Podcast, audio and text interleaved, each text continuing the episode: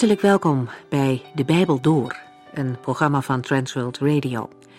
De Bijbel Door is een radioserie die u in vijf jaar meeneemt door de hele Bijbel. Van Genesis 1 tot Openbaring 22.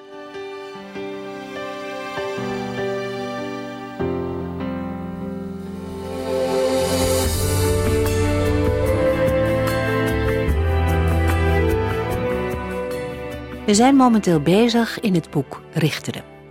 We waren gebleven bij de geschiedenis van Gideon in hoofdstuk 6. De situatie in Israël was niet best. Bendes Midianieten en Amalekieten trokken plunderend door het land en er moesten veel mensen naar hun schuilplaats in de bergen vluchten. Het volk heeft de heren massaal losgelaten en moet daar ook de gevolgen van ondervinden. Hun keuze om de goden van de Canaanieten te vereren brengt geen geluk en geen voorspoed. Totdat, totdat ze in hun nood de Heere aanroepen. En opnieuw komt hij hen te hulp. Deze keer gebruikt de Heere een gewone man, Gideon. Terwijl hij in het geheim bezig is om de tarwe te dorsen, komt de engel van de Heer bij hem en begroet hem met de woorden: De Heere is met u, dappere held. Een mooie begroeting, maar Gideon zelf ziet dat niet zo. Hij antwoordt dat de Heere hen juist aan de vijand overgegeven heeft. En uit het feit dat hij zijn werk in het verborgene moet doen, blijkt ook niet meteen dat hij dapper is. Maar gelukkig, de Heere kijkt heel anders naar ons dan wij zelf zouden doen. Hij kiest Gideon uit, een eenvoudige man, een jonge man uit een arme familie. Geen bekende, geen vooraanstaand persoon. God kiest ervoor om gewone en in onze ogen ook vaak zwakke mensen te gebruiken in zijn plan. Hij heeft mensen nodig die op hem vertrouwen, geen mensen die denken dat ze het zelf wel kunnen. Gideon wordt niet zomaar in het diepe gegooid. Hij krijgt eerst waardevolle lessen om te leren dat hij inderdaad op God kan vertrouwen. Daarin moet hij de kracht om te overwinnen vinden. Als Gideon zich realiseert met wie hij gesproken heeft, bouwt hij een altaar voor de Heere. Het s'nachts spreekt hij het altaar van Baal bij zijn ouderlijk huis af. En hij begint thuis met de strijd tegen de vijand en met de terugkeer naar de Heere. We lezen verder hoe het gaat met deze Gideon.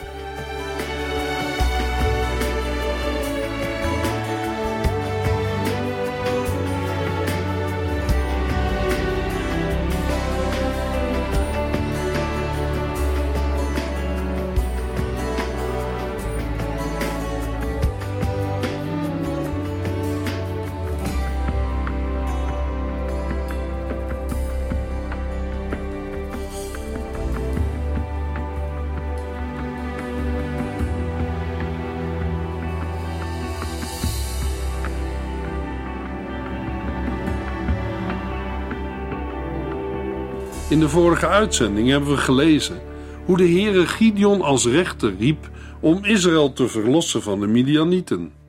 Hij moest het gezinsaltaar van zijn vader omverhalen en de gewijde paal die ernaast stond omhakken. Daarna moest hij een altaar voor de Heere bouwen en er een stier als brandoffer aan de Heer opofferen. Uit angst voor zijn familieleden en de mensen uit de stad had Gideon de opdracht van de Heere s'nachts uitgevoerd. Toch wordt ontdekt wat hij heeft gedaan. Het kost hem bijna zijn leven, maar zijn vader Joas weet dat te voorkomen. Vlak daarna stak een coalitie van Midianieten, Amalekieten en stammen uit het oosten de Jordaan over en legerde zich in het dal van Jisraël. Dan komt de geest van de Heer over Gideon. Gesterkt door Gods geest vindt Gideon nu wel de moed die hij eerder miste. Hij blaast op de ramshoorn en roept zo zijn stam op hem te volgen in de strijd tegen de vijand. Hij vraagt ook hulp van de andere stammen, van Manasse, Aser, Zebulon en Naphtali, de stammen die in het gebied rondom het dal van Jisraël leven. Allen die worden opgeroepen sluiten zich bij Gideon aan. Rechters 6, vers 36 en 37. Daarop zei Gideon tegen God: Als u mij werkelijk wilt gebruiken om Israël te verlossen, zoals u hebt beloofd, geef mij dan dit bewijs. Ik zal vanavond een wollen vacht op de dorstvloer leggen, en als morgenochtend de vacht nat is van dauw, maar de grond eromheen is droog, dan weet ik dat u mij zult helpen. Ondanks eerdere bewijzen die Gideon ontving, vers 17 tot en met 22, ondanks de vervulling met de geest door de Heere, vers 34, en ondanks het feit dat zoveel strijders positief hadden gereageerd op de oproep om zich bij Gideon aan te sluiten, vers 35, is Gideon nog niet verlost van zijn twijfel. Daarom vraagt hij nog een keer om een bevestiging, en de Heere geeft hem de gevraagde bevestiging. Maar is Gideon nu overtuigd dat de Heere hem zal helpen? Rechters 6, vers 39 en 40. Toen zei hij tegen God: Word alstublieft niet boos op mij als ik u nog eenmaal iets vraag. Ik zou nog een keer een proef willen nemen met de vacht. Laat deze keer de vacht droog blijven, terwijl de grond eromheen nat is van dauw. God deed wat Gideon had gevraagd. Die nacht bleef alleen de vacht droog, maar de grond was bedekt met dauw. Ondanks dat de Heer het door Gideon gevraagde teken heeft gegeven, neemt Gideon er nog geen genoegen mee. Daarom vraagt hij opnieuw om een teken met de vacht, maar nu andersom.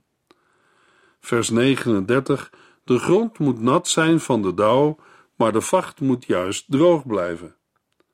Ook nu gebeurt wat Gideon heeft gevraagd. De reactie van Gideon op het teken van de Heere wordt niet vermeld, maar uit het vervolg kunnen we opmaken dat hij voldoende zekerheid heeft gekregen om de volgende stap te zetten. Deze gebeurtenis wordt vaak aangehaald als een voorbeeld van hoe de Heere zijn wil bekend maakt. Alsof wij mensen dan ook zo'n teken kunnen vragen bij een keuze uit twee mogelijkheden. Maar dat is niet wat hier gebeurt. Dit is geen vorm waarmee de Heere zijn wil bekend maakt. De Heere had al eerder zijn wil bekendgemaakt aan Gideon. Hij moet de Israëlieten verlossen van de Midianieten, en de Heere zal hem de overwinning schenken. De reden waarom Gideon bevestiging vraagt, is omdat hij onvoldoende vertrouwen heeft in de toezeggingen van de Heere. De handelswijze van Gideon is dan ook geen voorbeeld van geloof, maar juist van het tegenovergestelde. Zijn houding is vergelijkbaar met die van de discipelen in de evangeliën. Zij volgen de Heer Jezus wel, maar hebben moeite met hem volledig te vertrouwen. Matthäus 6, 8 en 16. Dat de Heere zich door Gideon tot tweemaal toe op de proef laat stellen en hem antwoord geeft, getuigt van zijn grote genade voor zijn volk. De verlossing die hij wil schenken is belangrijker dan het geloof of de twijfels van Gideon. Rechters 7 vers 1 Gideon en zijn leger stonden ochtends vroeg op en trokken naar de bron Garot, waar zij hun kamp opsloegen. De troepen van Midian waren in het dal beneden hen gelegerd, aan de noordelijke kant van de heuvel Moreh. De volgende morgen staan Gideon en zijn mannen vroeg op en bereiden zich voor op de strijd. In de Hebreeuwse grondtekst wordt Gideon Jerubaal genoemd, met als verklarende toevoeging: dat is Gideon. Rechter 6, vers 32. De naam is wellicht gekozen om er de aandacht op te vestigen dat achter de strijd tegen Midian nog een andere strijd schuilgaat. Is de rechter Gideon in de kracht van de Heere in staat om Israël te verlossen? Of zal Baal alsnog wraak nemen omdat Gideon zijn altaar omver heeft gehaald? Hoe gaat dit aflopen? Rechter 7 vers 2 en 3 De Heere zei tegen Gideon, uw leger is te groot, ik wil u niet allemaal tegen de Midianieten laten vechten, want anders zouden de Israëlieten wel eens de eer van de overwinning voor zichzelf kunnen opeisen en denken dat zij zichzelf hebben bevrijd. Zeg maar tegen het volk: wie bang is, mag naar huis gaan. Toen gingen 22.000 mannen naar huis terug en er bleven slechts 10.000 over die bereid waren te vechten. De Heere spreekt tot Gideon. Hij heeft een veel te groot leger.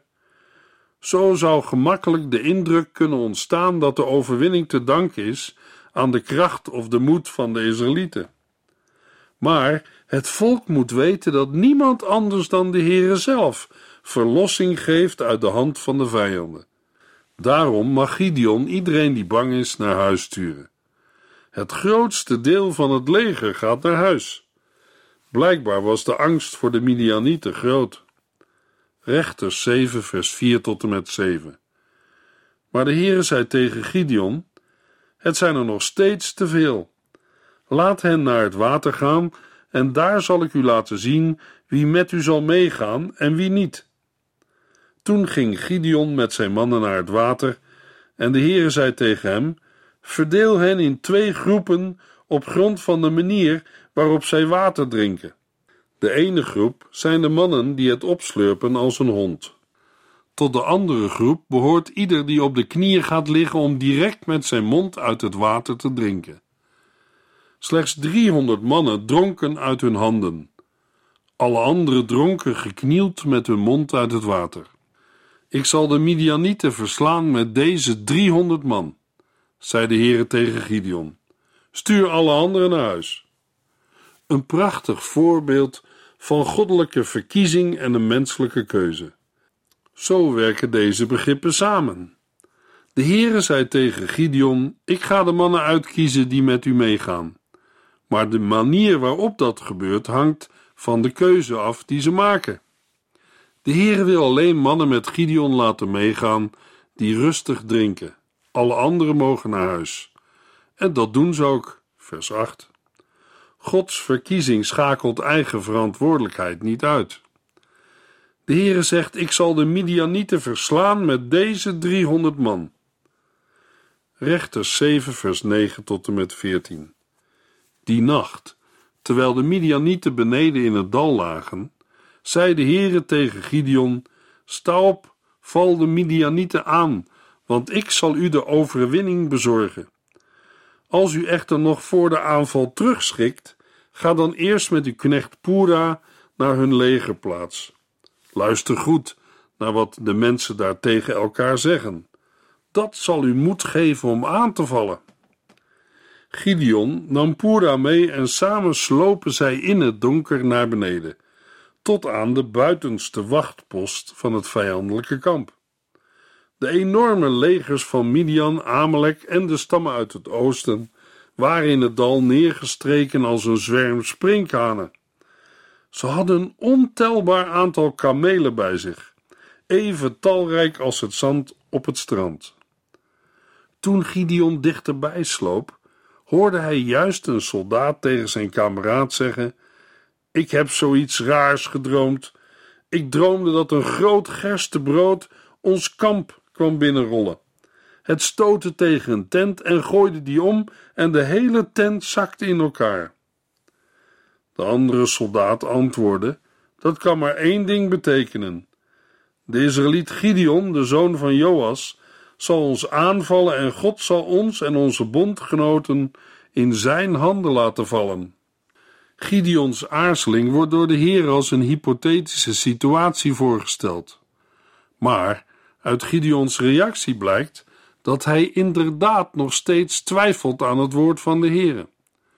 Hoewel Gideon, anders dan voorheen, zijn twijfels niet heeft uitgesproken, kent de Heer zijn innerlijk en voorziet hij ongevraagd in de bevestiging die Gideon zo nodig heeft. Rechters 7, vers 15 tot en met 22. Zodra Gideon de droom en zijn uitleg had gehoord, kon hij niets anders doen dan God in aanbidding danken.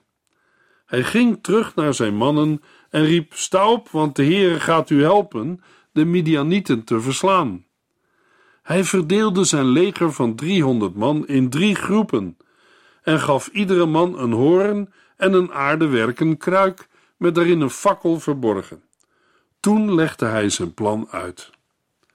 Wanneer wij bij de buitenste wachtpost van het kamp zijn aangekomen, zei hij, let dan op mij. Doe wat ik doe. Zodra ik en de mannen van mijn groep op onze horens blazen, moeten jullie ook van alle kanten om het kamp gaan blazen en roepen: Te wapen voor de Heer en voor Gideon. Het was juist na middernacht en de wacht was net afgelost toen Gideon en zijn honderd mannen naar de buitenste rand van het Midianitische kamp slopen. Plotseling bliezen ze op hun horens en braken de kruiken stuk, zodat hun fakkels hoog opvlamden in de nacht. De andere tweehonderd mannen deden hetzelfde, bliezen op hun horens in hun rechterhand en hielden de brandende fakkels in hun linkerhand.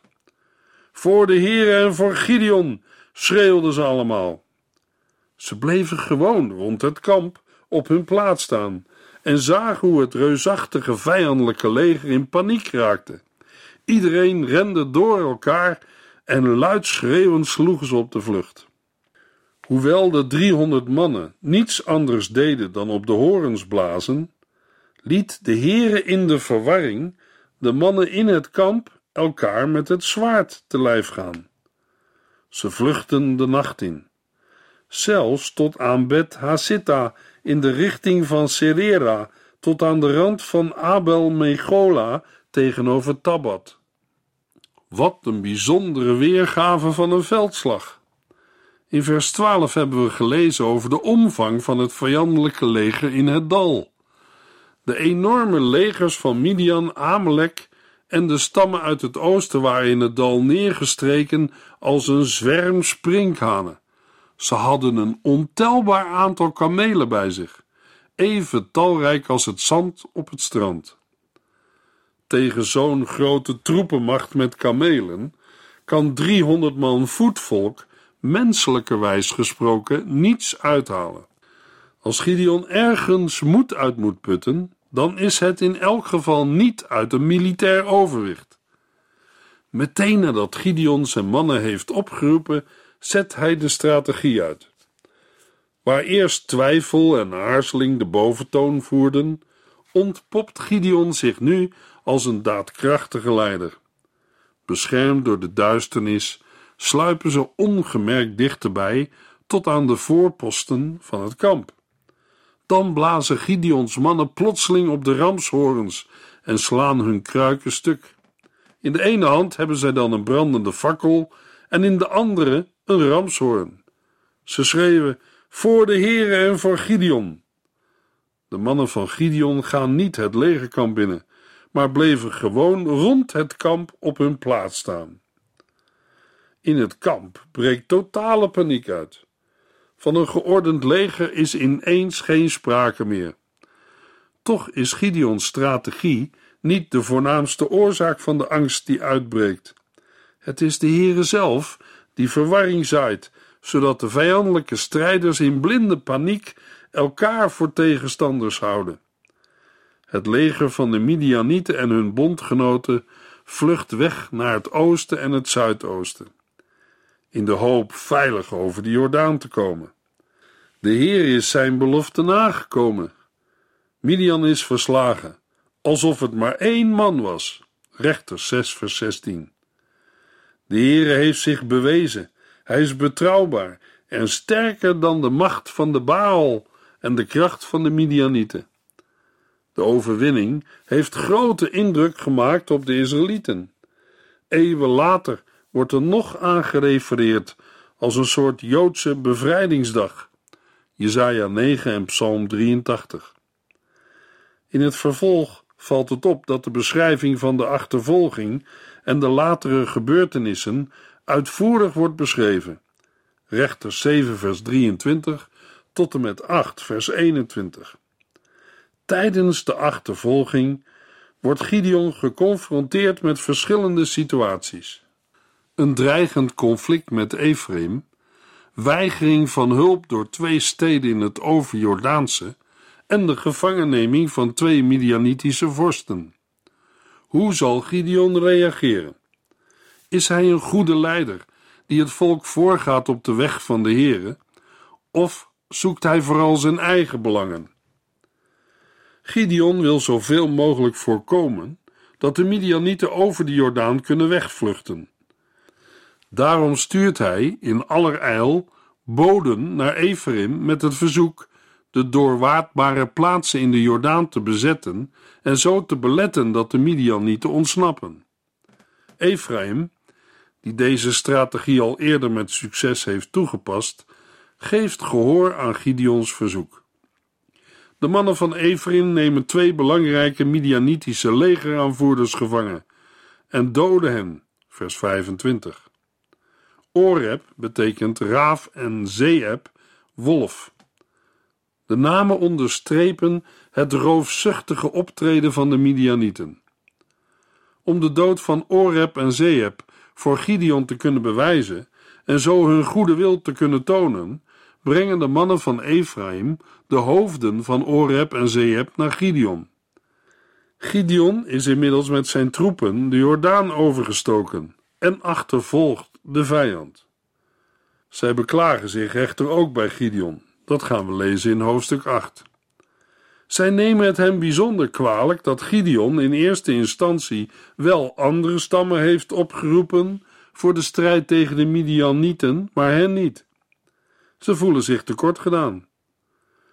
Maar Gideon beantwoordt hun grieven diplomatisch en stelt zijn eigen rol in de strijd als minimaal voor in vergelijking met die van de mannen van Ephraim.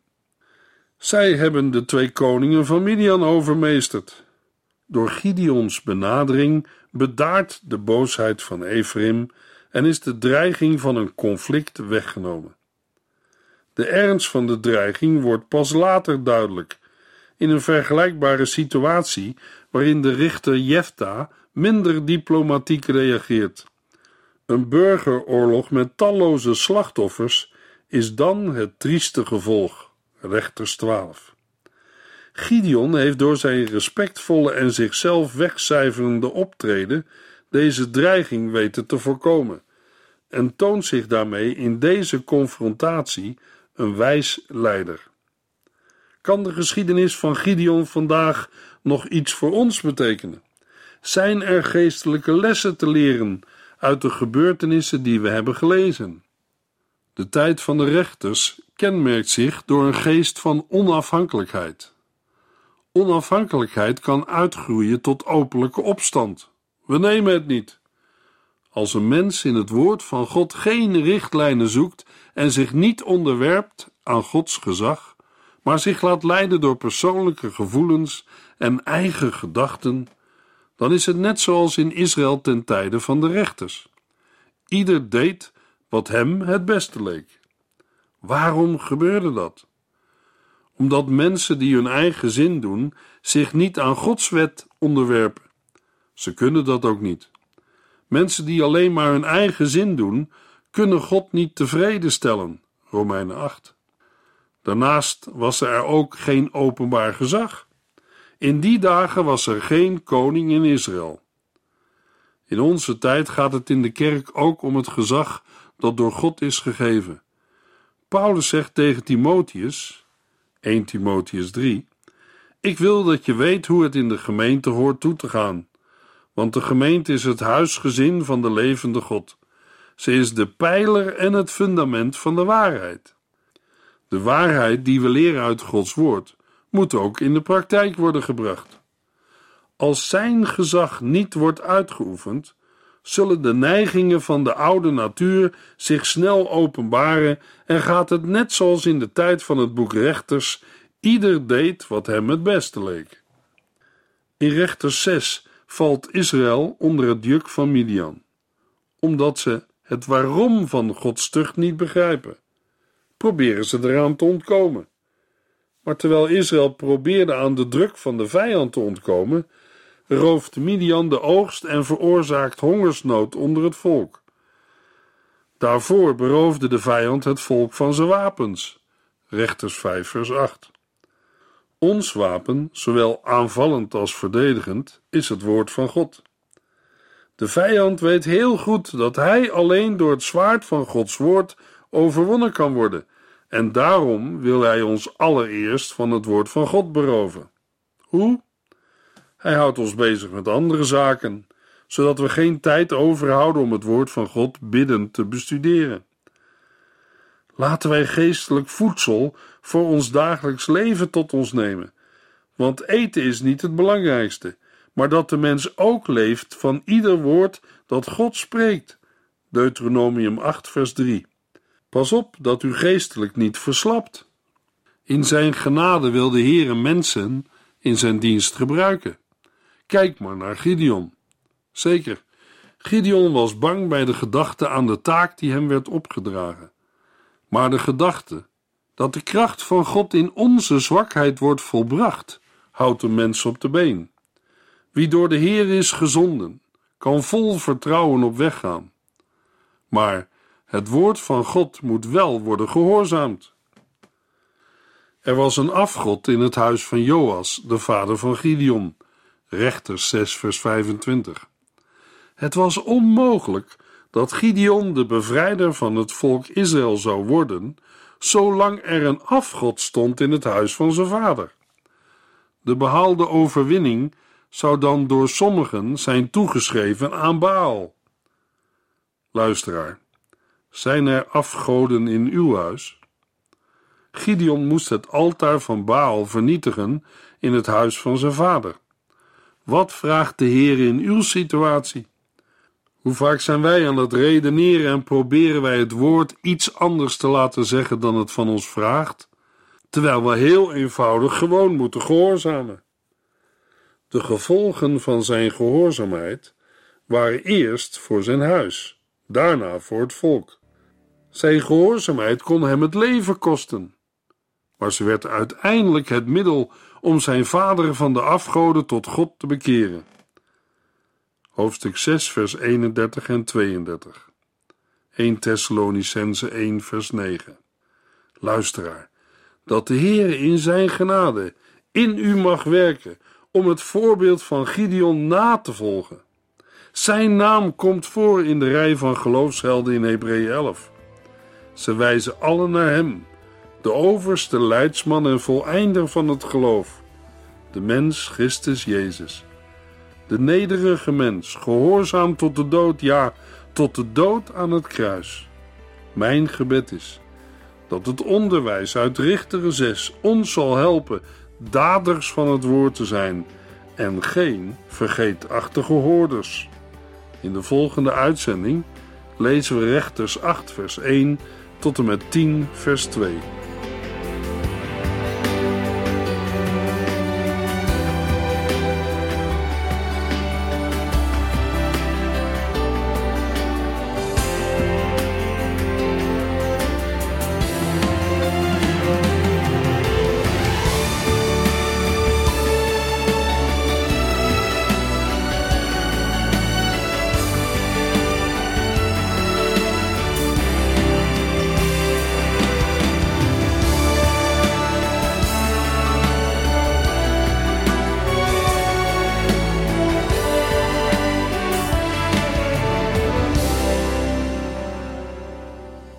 Geluisterd naar De Bijbel Door. In het Nederlands vertaald en bewerkt door Transworld Radio. Een programma waarin we in vijf jaar tijd de hele Bijbel doorgaan. Als u wilt reageren op deze uitzending of u heeft vragen, dan kunt u contact met ons opnemen. Tijdens kantooruren kunt u bellen op 0342 47 8432. 0342 47 8432. 32. Ook kunt u een e-mail sturen naar de Bijbel door transworldradio.nl en natuurlijk kunt u ook via de post ons bereiken. TWR, postbus 371, postcode 3770, AJ in Barneveld. Dit programma werd gepresenteerd door Cor Weda en Ike André. Techniek was in handen van Odin van Woerdekom. En wij allemaal bedanken u voor het luisteren. Graag tot de volgende keer.